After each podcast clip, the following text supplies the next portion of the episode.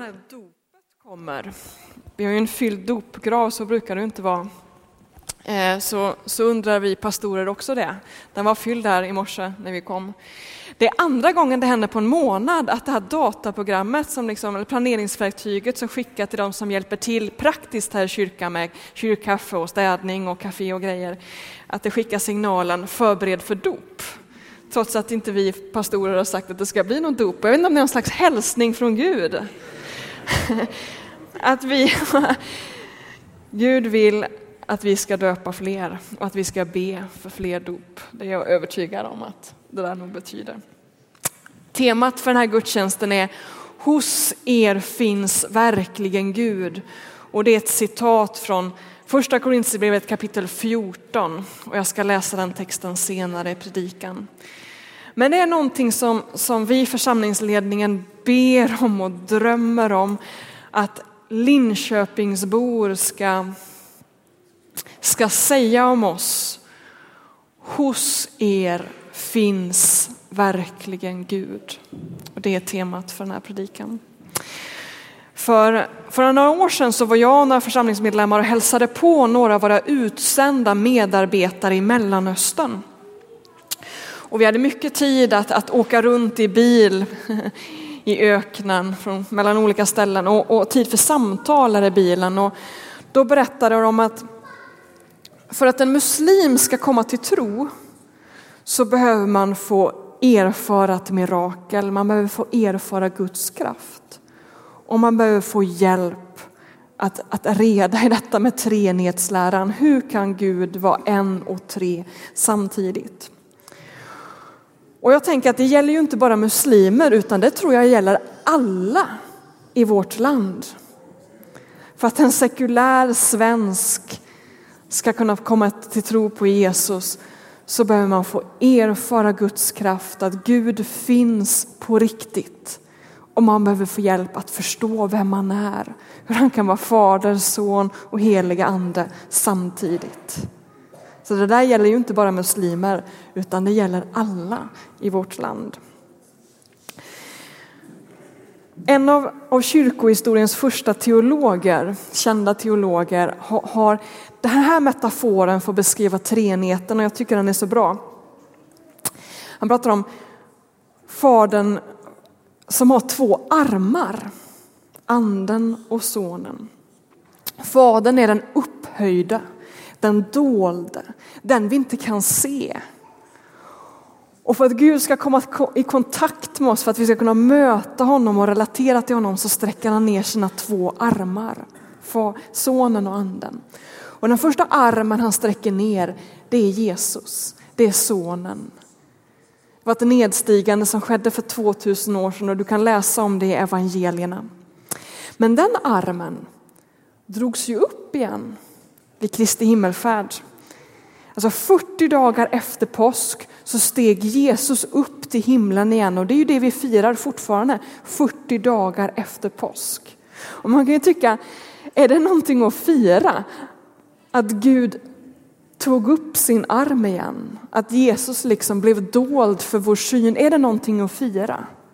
Men Jesus sa faktiskt i Johannes evangeliet i sitt avskedstal att det är bra för er att jag stiger upp och lämnar er.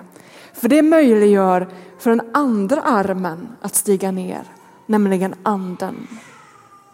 Anden steg ner 50 dagar efter påsk, på pingsten.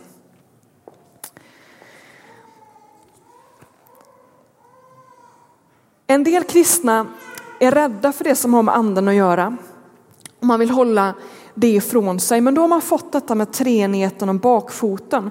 För anden är den arm som just nu är nedstigen. Vill man ha kontakt med Gud, vill man erfara Gud, då måste man ta tag i den hand som finns.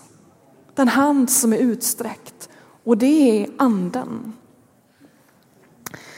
Anden är utgjuten över jorden. Och nu vet jag att en del av er tänker här inne, men, men hur, hur, kan det komma sig att jag då känner att jag har kontakt med Jesus? Om nu den armen är uppstigen och bara anden finns. Jo, det har just med treenigheten att göra. Gud är tre och ett samtidigt. När man möter anden så möter man också sonen och fadern.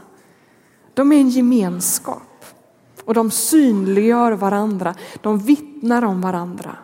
Och om vi ska liksom relatera till treenigheten, då är det andens hand, andens utsträckta hand vi måste ta tag i för att erfara Gud. Så när du upplever Jesus, när du erfar att Jesus är nära dig i din bön, så är det så. Jesus är närvarande genom den heliga ande. Det är anden som möjliggör att vi kan ha kontakt med Gud. Därför är anden så oerhört viktig. Det är den hand som är utsträckt.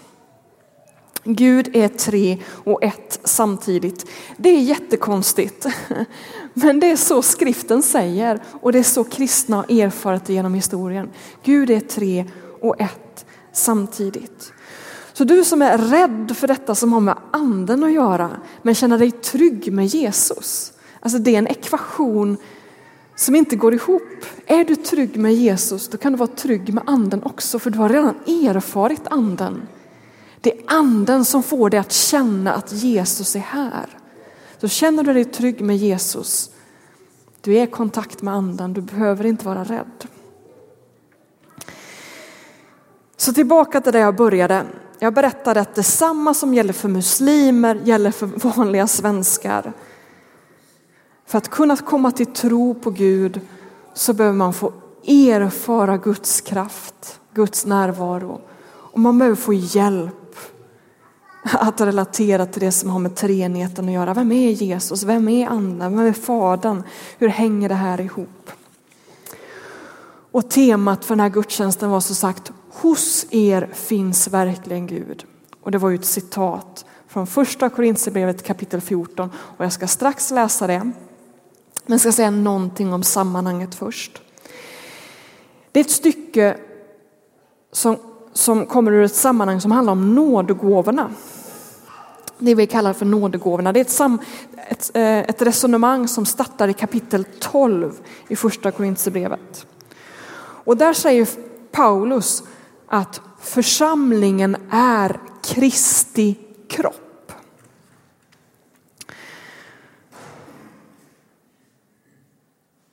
Hur ska Linköpingsborna möta Jesus?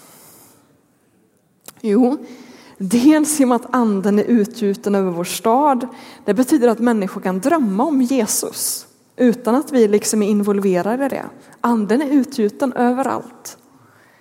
Det är ett sätt för Linköpingsborna att möta Jesus. Men ett annat sätt är också att de möter oss. Vi som är Kristi kropp.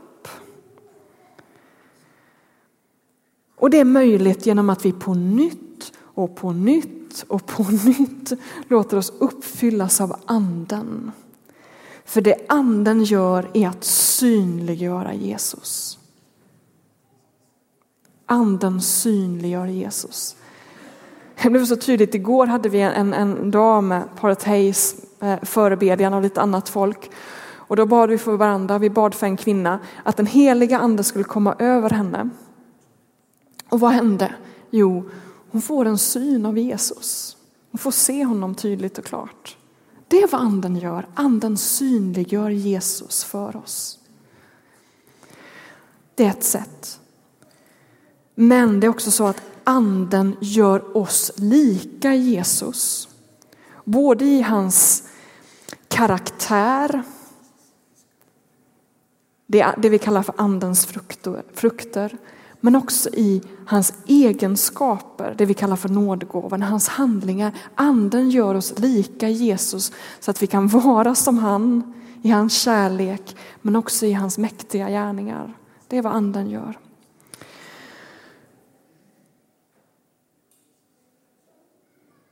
Nu hoppar vi rakt in i första Korinthierbrevet kapitel 14.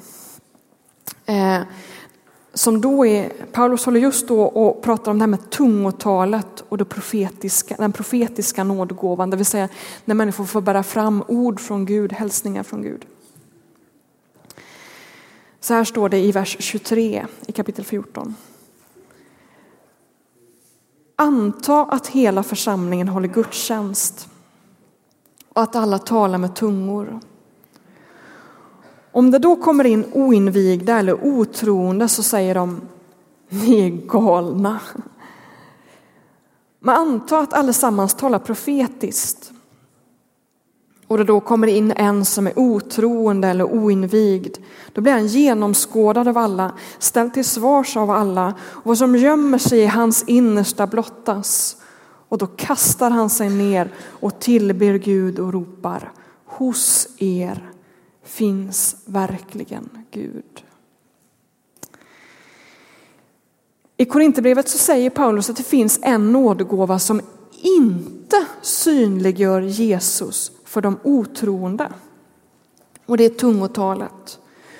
Tungotalet, det är ett tecken för de troende att Gud är närvarande och verkar, men inte för de otroende. Det är galenskap för dem. Men ett tecken för oss troende. Jag har varit med om en gång när, när liksom hela församlingen lovsjöng Gud i tungor, sjöng i anden som vi säger, det kallas. Och det var i en svenskkyrklig mässa. En del tror att liturgi och ande det hör inte ihop. Men för mig personligen har det varit tvärtom.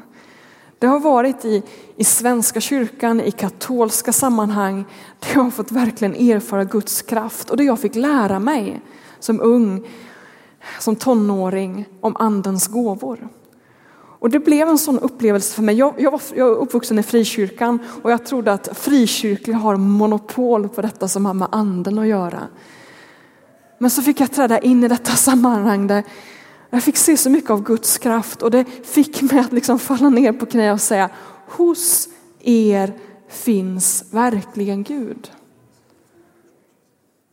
Tungotalet blev ett sånt tecken för mig. Ja, men de här talar ju tungor. Vi har inte samma lära, men vi har fått samma ande att dricka. Det säger Paulus i första Korinthierbrevet kapitel 12. Vi har fått samma ande att dricka och denna ande formar oss till en kropp. Vi har olika åsikter, vi tänker olika, men anden för oss ändå samman genom sin kraft. Och jag vet att en del av er tolkar min passion för det här med ordning och reda när jag har fått när jag varit i de här liturgisammanhangen. En del tolkar min passion för ordning och reda som att jag försöker stänga för anden. Men det är snarare tvärtom.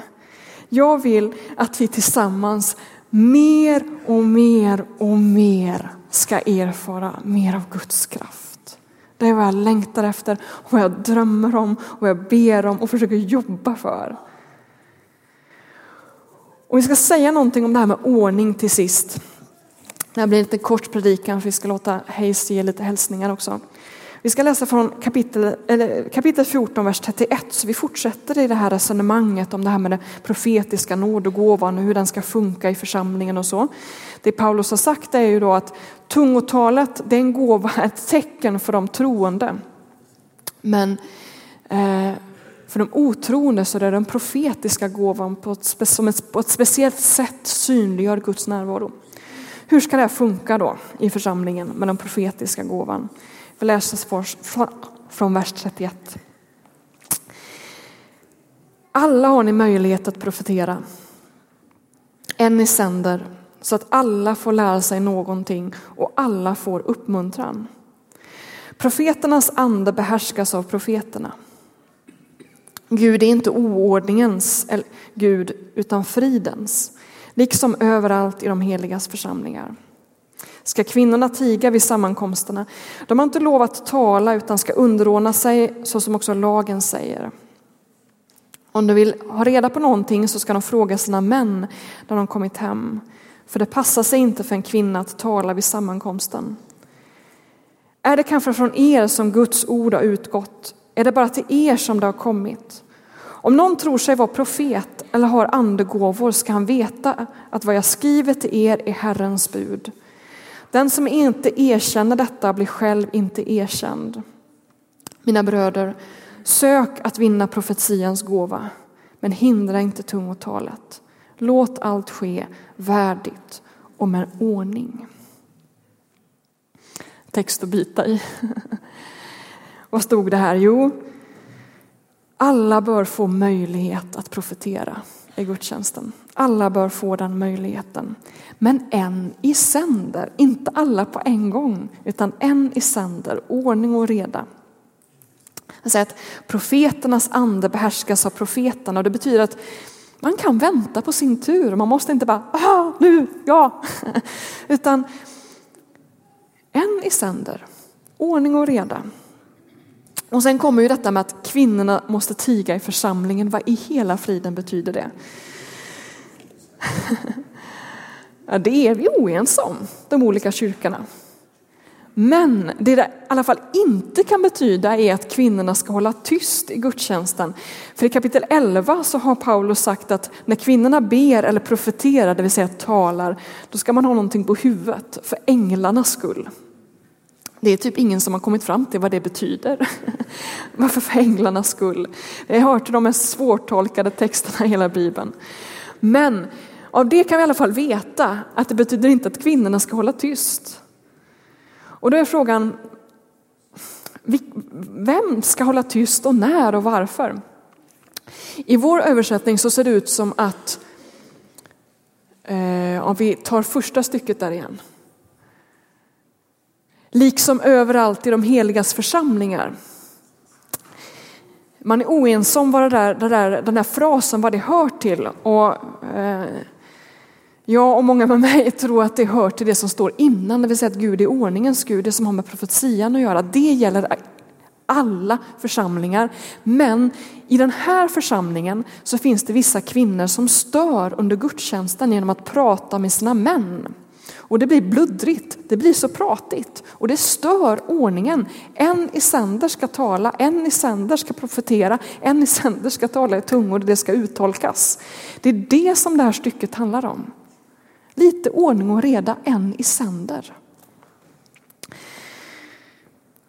Och om någon tror sig vara profet, säger Paulus, så måste han eller hon erkänna detta, annars är man inte profet. Så det är vad den här texten betyder. Ordning och reda, en i sänder, inte alla på en gång. Och kapitel 14 börjar med att Paulus säger sträva efter kärleken. Det vill säga det är den dominerande karaktärsegenskapen hos Jesus. Bli lika Jesus. Sträva efter kärleken. Sök vinna de andliga gåvorna. Sök vinna de andliga nådgåvorna. Och speciellt gåvan att profetera, eller helst gåvan att profetera. Varför är den profetiska gåvan så viktig? Jo, nådegåvorna, alla nådegåvor syftar till att bygga upp. Att synliggöra Jesus. Men ingen gåva är så uppbygglig som den profetiska gåvan. Och jag tror flera av er har erfarit det, att när ni fick profetiska hälsningar, någon kanske profeterade över ditt liv eller fick ett kunskapens ord om dig, så växte du i tro och du fick erfara, wow, Gud finns på riktigt. Den gåvan är så fantastisk. Den kan verkligen skapa tro. Både för den som inte har en tro och för oss som har en tro. Den är uppbygglig för alla. Den är så viktig. Och därför säger han sök den. Sök den profetiska gåvan. Det är ju inte bara Gud som tycker om ordning. Det stod här att Gud är ordningens Gud. Utan svenskar tycker ju också om ordning. Det har med vår kultur att göra. Vi, vi älskar att stå i kö och det ska vara liksom ordning och reda. Ehm, och jag tror att det är just därför, för att vi älskar ordning, som vi får erfara så lite av profetiska hälsningar i vår församling. Vi har ju så, en liten informell ordning att om man får en profetisk hälsning eh, som man tror ska sägas här från talarstolen till någon här inne eller till församlingen i sin helhet, eh, då kan man gå fram hit till mötesledaren och predikanten. Och så ger vi utrymme för det, det gör vi alltid. Men det är inte riktigt utsagt och det liksom, vi har inte skrivit det på väggen. Och det gör att så få vågar komma fram. Möjligheten finns men få vågar för det finns ingen ordning. För vi svenskar har en sån respekt för detta med ordning. Och vi har pratat om det i församlingsledningen och vi har sagt att vi vill ju se mer av det profetiska i vår församling och då måste vi ha en ordning för det. Annars händer det inte. Och här kommer ett, ett förtydligande. Det är inte så att vi behöver en att, att vårt dilemma här i Ryttargårdskyrkan är att alla profeterar i munnen på varandra. Och att vi måste bringa reda i det kaoset, det tror jag att du har märkt, att det är inte vårt dilemma. Det är inte därför vi ska ha en ordning, utan just för att vi har för lite av det profetiska. Och jag tror att en ordning kan liksom underlätta och ge oss mod. Därför behöver vi en ordning. Så att fler får erfara att Gud verkligen finns på riktigt. Gud finns på riktigt. Och idag, och vi kommer på allvar jobba med det i höst, men idag ska vi göra så att Ian, kan inte du ställa dig upp, och Aki. Ian är med i församlingsledningen och Ian och Aki är gifta.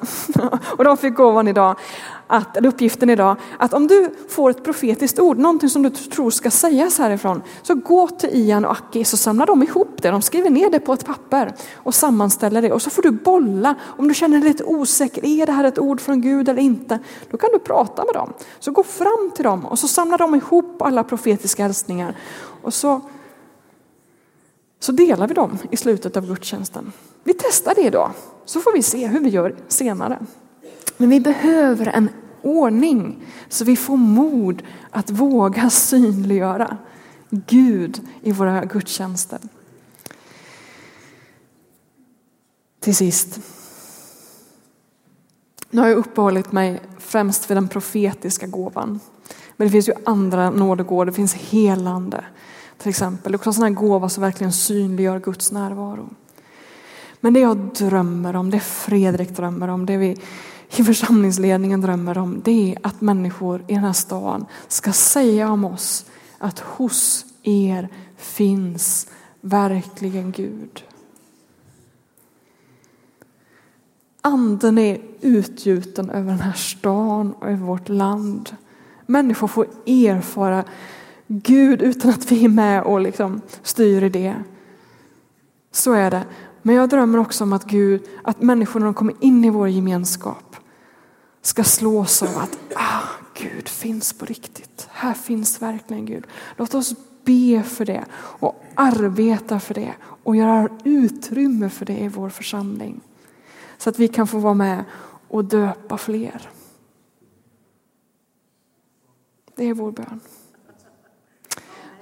Amen. Nu ska vi få sjunga en sång tillsammans innan del två i den här predikan kommer.